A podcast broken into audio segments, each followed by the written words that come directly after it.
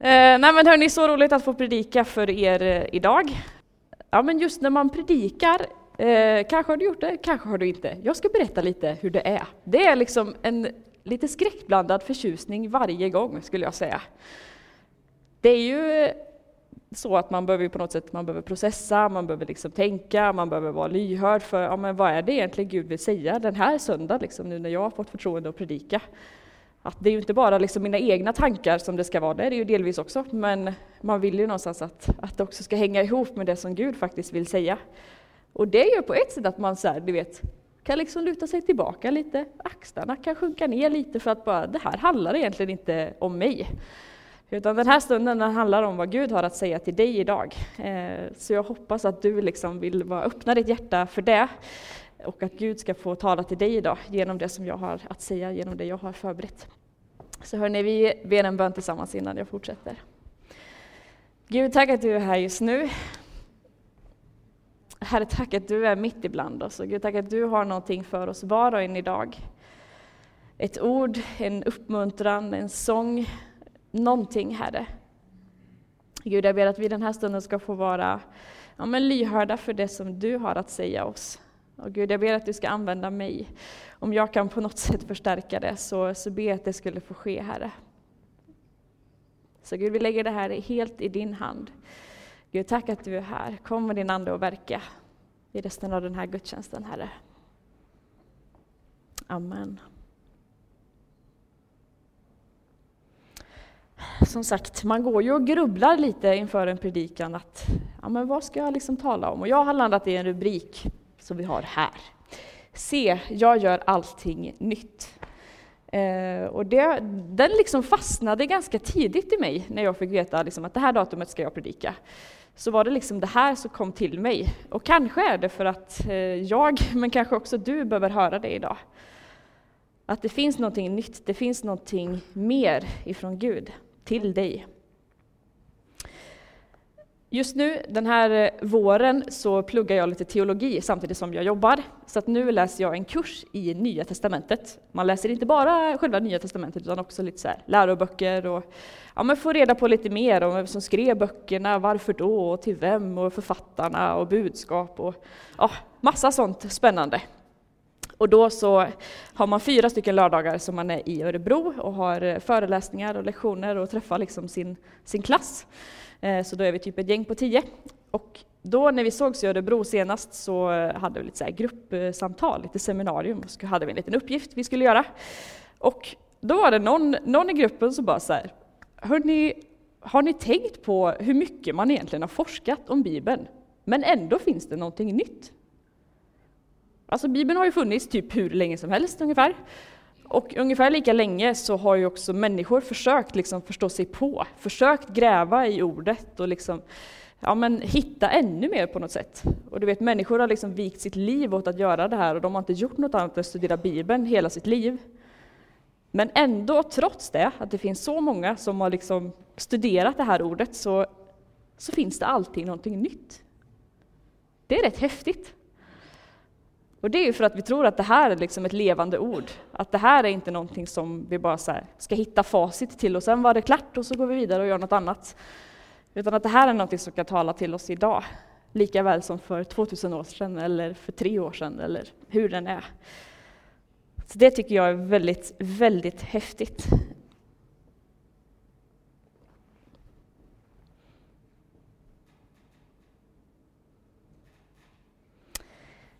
Jag tänker så här, att det är ganska lätt ibland att vi liksom formar vår gudsbild efter mig själv, om ni förstår vad jag menar. Det låter lite konstigt, jag ska utveckla, jag lovar. Men vi som människor, vi är ju, vi är ju människor. Och det innebär ju att vi är ju lite begränsade till just att vara människor. Vi kan det vi kan och liksom, vi ser ut som vi gör och ja, allt det här ni vet. Och det gör ju att våra liksom preferensramar är här någonstans. Och ibland tänker jag att det är lätt att, att bara för att våra ramar är liksom här, att vi också sätter Gud i den ramen. För att vi på något sätt inte kan förstå liksom hans, hans storhet. Det är lätt att vi förminskar Gud för att våra ja, men mänskliga preferenser är så små och just mänskliga. Men jag hoppas att den här liksom predikan, att den ska ja, men få dig att liksom lyfta blicken lite. Att bredda det där perspektivet lite grann. Vi kommer inte förstå allt, och det är inte heller meningen, men att vi ska få förstå lite mer, att vi ska få närma oss Gud lite mer idag. För i honom så finns sanningen. Han är den som är sanning. Och jag vill börja i Johannes evangeliet kapitel 4. Så ska vi läsa, om än bara en vers, men ni ska få lite bakgrundsfakta. Det här är ett stycke där Jesus möter den samariska kvinnan. Och det borde han egentligen inte göra. Det finns väldigt mycket som talar för att, att Jesus, när han liksom går där och går förbi den här kvinnan, att han borde bara ignorerat henne och gått förbi henne. Han borde liksom inte prata med henne, dels för att hon var kvinna och för att hon var samarier och liksom massa andra anledningar. Men ändå så, Jesus gör ju inte riktigt alltid som alla andra. Utan han, han möter henne, han pratar med den här kvinnan. Och sen när hon liksom eh, har gått iväg och, eh, ja, men och Jesus är kvar så kommer hans lärjungar till honom. Och då så står det så här i vers 35. Ni säger, fyra månader till så är det dags att skörda. Men jag säger er, lyft blicken och se hur fältet redan har vitnat till skörd. Och om man eh, liksom läser hela kapitlet så, ja, så kan man läsa om att de här lärjungarna som kommer till Jesus, de är oroliga för att han inte har fått någon mat. Det kan man ju förstå, han kanske har varit ute och vandrat superlänge och ni vet det är varmt och allt detta, så det är klart att mat är ju viktigt. Men då säger Jesus att eh, nej men det, det, det är lugnt liksom, det går bra ändå. Och han säger i versen innan här, min mat är att göra hans vilja som har sänt mig och att fullborda hans verk. Det Jesus säger är att ja, men det, det viktigaste här och nu är inte att jag liksom får mat att äta, utan det är att jag får vara med och liksom fullborda det som Gud vill göra. Någonting som Gud redan har förberett. Den där kvinnan var ju liksom inte där av bara slumpen, eller det kanske det var delvis, men jag tror att det var ju på något sätt Gud som hade liksom sett till att hon var där och att Jesus skulle möta med henne den dagen. Min mat är att göra hans vilja, han som har sänt mig för att fullborda hans verk.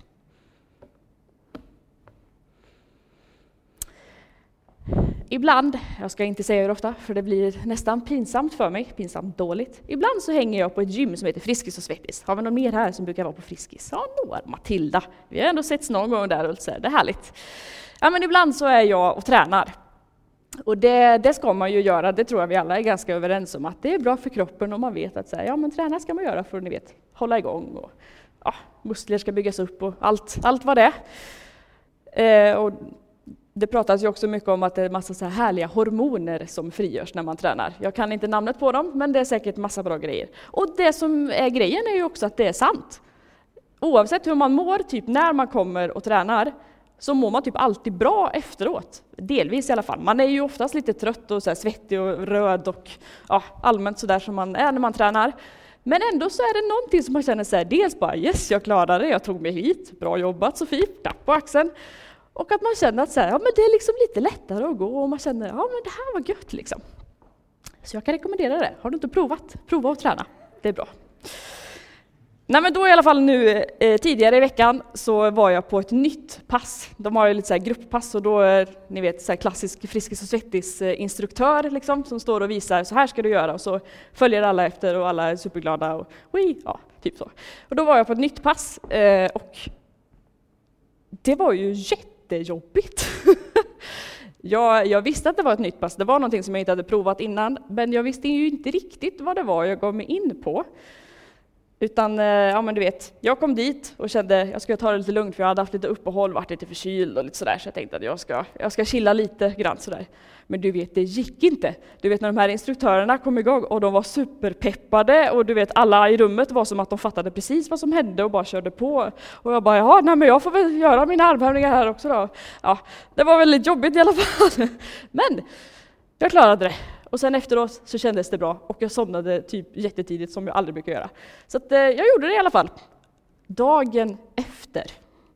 Ni som har tränat någon gång, ni vet vad som ibland händer. Då har man ont i kroppen. Jag hade ont i hela kroppen. Alltså på riktigt, ni vet så här, det var träningsverk i rygg, i ben, armar, allting. Jag känner fortfarande lite av det och det här var i tisdags, så ni kan ju tänka er hur jag mådde då. Men nu känns det bättre. Och då så, så slog det mig ju någonting att så här, hmm, det finns ju ett litet samband mellan att det är någonting nytt och att det är jobbigt. Sug på den lite. Nej, men jag tänker så här, för att, just för att det var nytt så var det ju liksom jobbigt för min kropp. Det var ju därför den finns, fick träningsverk. För det har jag förstått att träningsverk får man om man så här, gör något ovant som inte kroppen är van. Då får den liksom ont och säger ah efteråt. Så det var liksom jobbigt för kroppen. Och jag märkte ju att mitt huvud var ju också uppenbarligen helt slut efter det här passet eftersom jag somnade jättetidigt och var jättetrött hela kvällen. Så att något nytt var också lite jobbigt. Men jag tror att om jag till exempel nu på tisdag eller någon annan gång skulle gå på samma pass igen, då är det ju inte lika jobbigt. Då vet jag liksom lite hur det funkar. Jag vet liksom när det är dags att ta i, jag vet när man kan liksom softa lite och så här, hämta andan. Det blir ju lite lättare för varje gång och till slut så är det ju inte heller nytt. Utan då är det så här, ja, passet jag brukar gå på istället för det nya passet.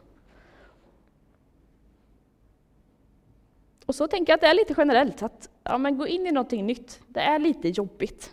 Och det ska kännas lite. Men jag tror ju också att det är bra. Att man hela tiden faktiskt behöver göra lite nya grejer, annars så skulle ju livet vara ganska tråkigt tror jag. Om man bara skulle göra armhävningar hela livet och ingenting annat. Då skulle i alla fall jag tröttna ganska snabbt kan jag säga. Så jag tror att vi behöver liksom, ja men lite nytt ibland. Och ja, men jag ska dela liksom en story från ifrån mitt eget liv. Och det går bra, det hoppas jag. Ni har inget val, höll jag på att säga. Eh, nej, men under den här hösten som har varit, typ oktober, november och liksom hela, ja, hela vintern egentligen, så hamnade jag i en väldig period av att fundera så här, vad, vem är jag? Vad ska jag bli när jag blir stor? Eller ja, större? Eh, vad är liksom mitt nästa steg? Vad drömmer jag om? Vad vill jag i livet egentligen? Massa sådana där frågor. Och liksom allting på något sätt kändes som att det var ett stort frågetecken med mitt liv. Både liksom stora saker, små saker. Eh, och även liksom i, i min tjänst och i mitt jobb så var det också som att någonting så blev lite frågetecken och man undrade mycket. Och vi som, som ledarteam bland ungdomarna som jag leder, vi var också lite så här, ja, det är något här som inte riktigt liksom stämmer. Det är lite frågetecken i luften. Och jag, ja men som sagt, mycket var frågetecken. Jag visste liksom ingenting. Det var verkligen så här. Ja, jag kan gå och lägga mig under täcket och det gör inte så mycket, typ. Kändes det som. Eh. Och ja, men jag blev liksom mer och mer frustrerad över att, att Gud inte gjorde någonting. Alltså i den där perioden så bad jag ju sjukt mycket och bara, men Gud vad är det då? Vad är liksom nästa grej? Eller vad är, vad är det jag ska in i? Vad är det där framme som jag inte ser och inte förstår? Eller bara, gör någonting! Säg något, eller liksom någonting. Vad som helst, typ, sa jag till honom. Och du vet, det var tyst. Och jag bara, jaha. Vad ska jag göra nu, typ? Men sen så märkte jag att det hände någonting typ november där någon gång. Då hade jag gått och grubblat på det här ganska mycket i många veckor och liksom funderat. Eh, men sen november där någonstans så märkte jag att det hände någonting. Det var liksom inte att jag helt plötsligt puff vaknade upp nästa dag och allting var annorlunda. Men det var liksom något successivt som hade börjat i mig, eller som började där och då. Någonting av att så här, ni vet axlarna, de sjönk ner lite. Jag på något sätt blev lite lugnare, eh, bara kände mig mer avslappnad.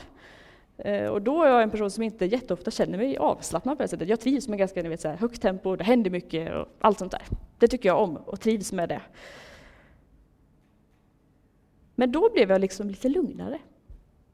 Och jag tror att det var då som jag faktiskt på riktigt förstod att liksom Gud har planen.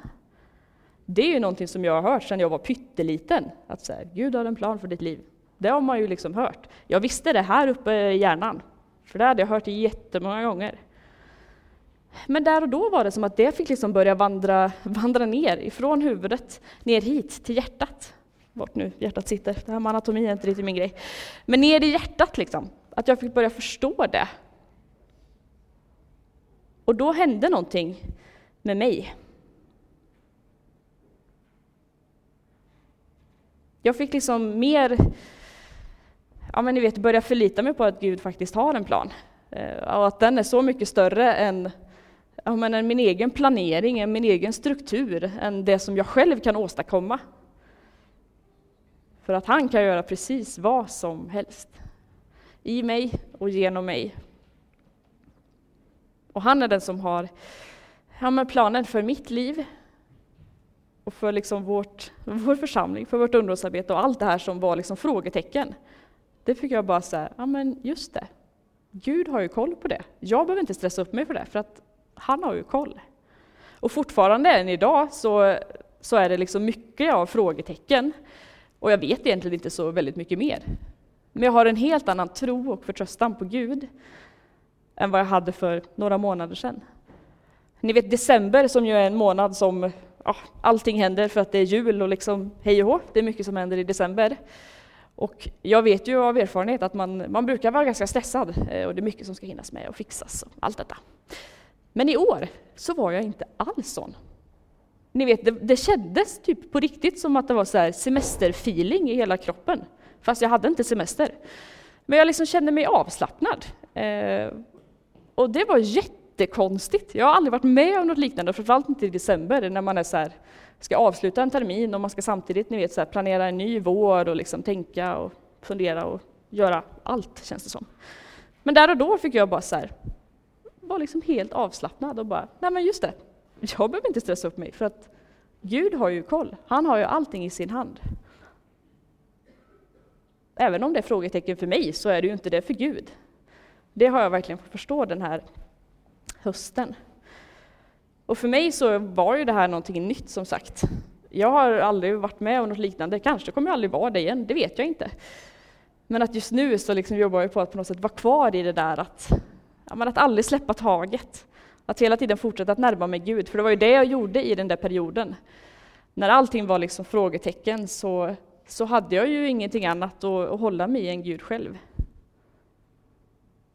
Det var ju då jag liksom fick närma mig honom och ja, få börja se och liksom se det som han ser och höra det som han vill att jag ska höra.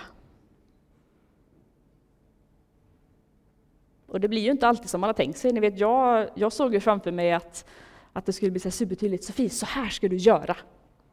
Men det var just det som Gud, han vet ju vad jag behöver. Att han visste ju att nej, jag behöver inte det där att, att någon ska se åt mig vad jag ska göra, för det är jag ganska duktig på att komma på själv. Utan jag behöver bara, ni vet, så här, ta ett litet steg tillbaka, bara vila i Guds famn.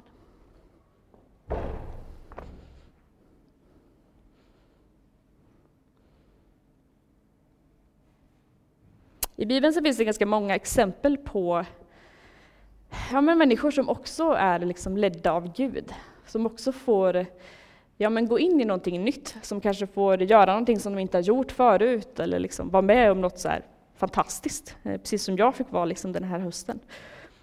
Bland annat så finns det ett tillfälle som eh, profeten Joel talar om. Joels bok finns i Gamla Testamentet, eh, och ja, nej men den, den, skriver väldigt mycket om, så här, om hoppet till det judiska folket i den tiden. Den är skriven ish 835 f.Kr. Det är alltså superlänge sedan. Eh, och ger också ett löfte om helig ande. Det berättar om liksom en, upp, en, en återupprättelse för det judiska folket och någonting nytt som ska komma. Och vi ska läsa några verser därifrån från kapitel 2. Så får ni upp dem där också. Ehm, kapitel 2 och ifrån vers 28. Det ska komma en tid då jag utgjuter min ande över alla. Era söner och döttrar ska profetera, era gamla män ska ha drömmar, era unga män ska se syner. Också över slavar och slavinnor ska jag då utgjuta min ande. På himlen och på jorden ska jag låta tecken visa sig, blod och eld och pelare av rök. Solen ska vändas i mörker och månen i blod innan Herrens dag kommer, den stora och fruktansvärda. Men var och en som åkallar Herrens namn skall bli räddad. Mm. Här hintar ju liksom Joel om att helig ande ska komma. Han säger ju liksom inte den dagen, det datumet eller något sånt där. Men han talar om ett löfte som ska liksom ske längre fram i tiden. Om man då sen går fram till Apostlagärningarna som är en bok i Nya Testamentet som skrevs flera hundra år senare, så kan man liksom läsa om eh, ja, men den första kristna församlingen som formades. Och, ja, man får läsa massa, massa spännande om vad de går igenom, och liksom utmaningar och förmaningar och allt, allt detta. Och ja, Apostlagärningarna är mycket av en övergång ifrån liksom det gamla förbundet och det nya förbundet. Så det är också en bok som så pekar på mot, mot någonting nytt. Och då kan vi läsa från Apostlagärningarna kapitel 2. Så ska ni se att ni kommer kanske eventuellt känna igen er lite.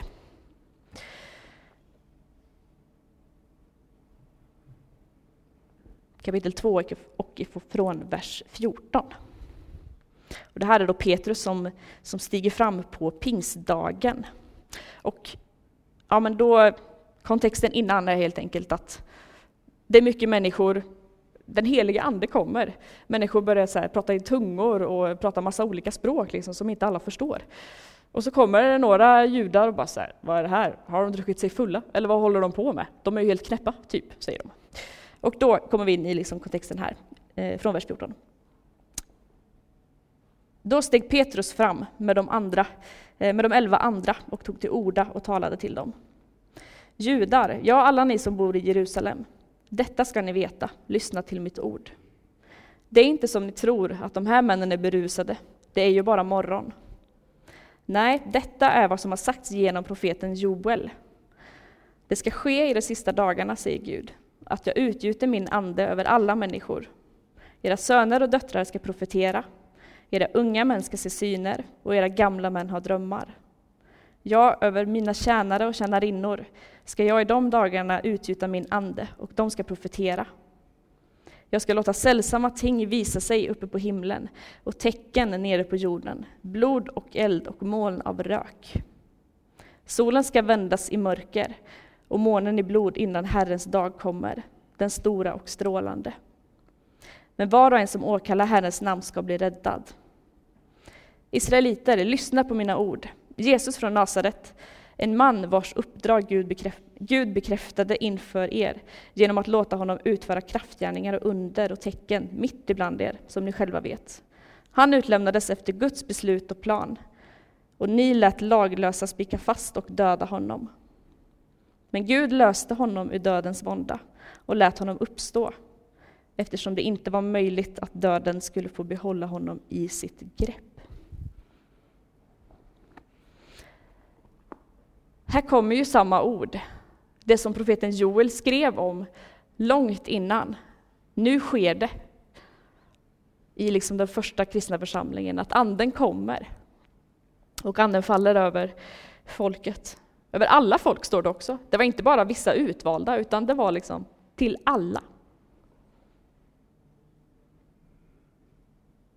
Återigen så är det Gud som har hela bilden. Profeten Joel, när han skrev ner detta, han kanske inte alls liksom hade koll på vad, på vad det här skulle få betyda, och han såg ju inte riktigt kanske Guds plan heller. Kanske en del av det, men inte helheten, för den såg Gud. Och han liksom ledde, ledde sitt folk till att det skulle ske.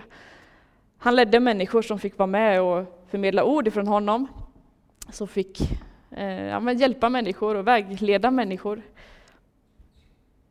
Människor som som var lyhörda för Gud. Människor som var redo att, att faktiskt stå i Guds tjänst, som Petrus till exempel. Hade han inte sagt det där liksom talet, då hade det kanske bara liksom gått förbi på något sätt. Så det krävs liksom människor, ja, men människor som är överlåtna för att, att det ska få ske. Att flera ska få kliva in i det som Gud faktiskt redan har förberett.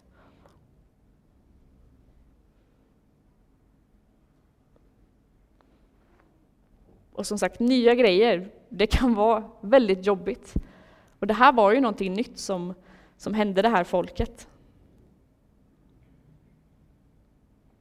Men när man väl förstår liksom att, att ja, men det är nytt av en anledning och att det finns en plan bakom, Guds plan bakom, så är det ju inte längre lika jobbigt. Och då blir det värt att liksom göra det där, att det, det, blir lite jobbigt för både kroppen och för huvudet kanske, att göra det där nya för att liksom sträcka sig ännu mer emot det som Gud faktiskt har förberett.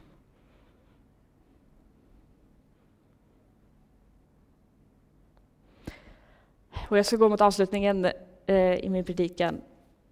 Och vad är det då jag liksom har försökt att säga idag? Ja, men genom de texterna som jag har läst har jag på något sätt försökt att, att få dig att lyfta blicken, att visa på att ja, men Gud har i alla tider lett människor. På lite olika sätt så har han ja, men format dem, kallat dem liksom att ännu mer gå in i, i det som är hans plan. Utrustat dem med det, ja, med, det, med det som de behöver. Och detsamma tänker jag gäller för ja, men dig och mig här också. Att Gud ser vad du behöver. Han har en plan för dig, och du är en del liksom av någonting som är så mycket större. Och vi som sagt ser inte alltid det där stora för att vi, liksom, vi är bara människor. Eh, vi kan ta det liksom steg för steg. Men Gud har den stora planen, den stora, det stora sammanhanget och vi får vara en del i det. Det är ju han som gör allting nytt. Det är inte alltid vi själva, men vi kan få ibland behöva ta kliv för att det ska få ske, det som Gud faktiskt har ja, men redan förberett. Kanske sedan jättelång tid tillbaka. Det kanske inte alltid dröjer 800 år liksom för, för att det ska ske, men ibland kan man behöva ha lite tålamod för att faktiskt ja, men höra Guds röst eller förstå vad det är som man ska göra. Förstå det där nya som ligger framför, som jag ännu inte kan se, men som Gud redan har full koll på, som han redan har förberett. Och just därför tänker jag att vi behöver ja, men ständigt liksom stretcha oss i vår tro. Att inte fastna i, ja, men i samma liksom gamla, gamla banor, eh, utan att faktiskt hela tiden stretcha sig i sin tro. Att hela tiden faktiskt sträva efter ja, men någonting nytt. Och det behöver inte vara något superstort, det kan ju vara något lite mindre. Det är ju väldigt olika. Just för att få en lite större bild och för att ja, men ännu mer förstå faktiskt Guds storhet. Jag tänker att det är det som det handlar om. Att ännu mer se lite mer av vem Gud är och vad han faktiskt har kapacitet att göra.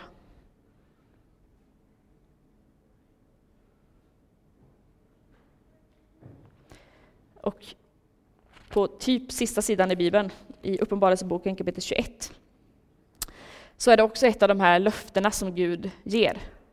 Någonting som ska komma. En ny himmel och en ny jord. Och ifrån vers 1 så står det så här. Jag såg en ny himmel och en ny jord. Till den första himlen och den första jorden var borta, och havet fanns inte mer. Och jag såg den heliga staden, det nya Jerusalem, komma ner ur himlen, från Gud, redo som en brud som är smyckad för sin man. Och från tronen hörde jag en stark röst som sa, se, Guds tält står bland människorna, och han ska bo ibland dem, och de ska vara hans folk, och Gud själv ska vara hos dem. Och han ska torka alla tårar från deras ögon. Döden ska inte finnas mer, och ingen sorg och ingen klagan och ingen smärta ska finnas mer. Till det som en gång var är borta. Och han som satt på tronen sa, se, jag gör allting nytt. Och han sa, skriv, till dessa ord är trovärdiga och sanna. Och han sade till mig, detta har skett. Jag är A och O, början och slutet. Jag ska låta den som törstar dricka fritt ur källan med livets vatten. Se, jag gör allting nytt. Oavsett din situation, oavsett din ålder, oavsett eh, vart du kommer ifrån eller vad du står i just nu, oavsett vad du har gjort eller inte gjort, så kan och vill Gud göra någonting nytt i ditt liv. Kanske här, här och nu, liksom, idag. I lovsången, i förbönen. Så kan Gud få börja viska ord till dig, lägga tankar i, i ditt hjärta, i ditt sinne. Det finns mer. Och kanske att du idag behöver ta ett steg närmare honom för att lite mer förstå vad han faktiskt har för, för dig. vad hans plan är. Kanske behöver du idag, ja men precis som jag, liksom släppa den där förminskade bilden av Gud som vi ibland bygger upp. Och att istället söka, söka dig närmare honom. Och förstå vem han är, smittas av honom, formas av honom. Förstå att han är så mycket större än mina, mina ramar som jag sätter upp.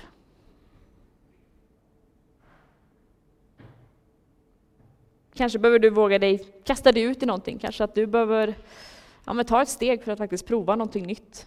Du kanske har kört på liksom och det behöver inte vara dåligt, men kanske att du behöver liksom stretcha dig lite granna på något sätt idag. Kanske att du behöver lite mer tålamod att ja, men faktiskt vänta, att lyssna, att vara lyhörd. Jag vet inte. Ehm, men jag är övertygad om att han kan göra allting nytt. Alltså allting. För det, det är en sån Gud vi tror på. En Gud som är så mycket större än vad vi kan förstå eller tänka oss. Mm, herre, tack att det är sant, att du är en stor Gud som kan göra allting nytt. Oavsett vad vi har varit med om eller vart vi kommer ifrån, Herre, eh, så kan du liksom göra någonting nytt. Gud, jag ber att du ska göra mig modig, att du ska göra oss alla modiga att våga ta det där steget, som kanske är lite obekvämt i början, men som, som faktiskt får betydelse. Som är helt i liksom enlighet med din plan och din kallelse, Herre. Gud, hjälp oss att ständigt, ständigt närma oss dig, få se lite mer av vem du är. Tack att du gör allting nytt, Herre. Tack att du kan göra det i den här stunden, här och nu. Amen.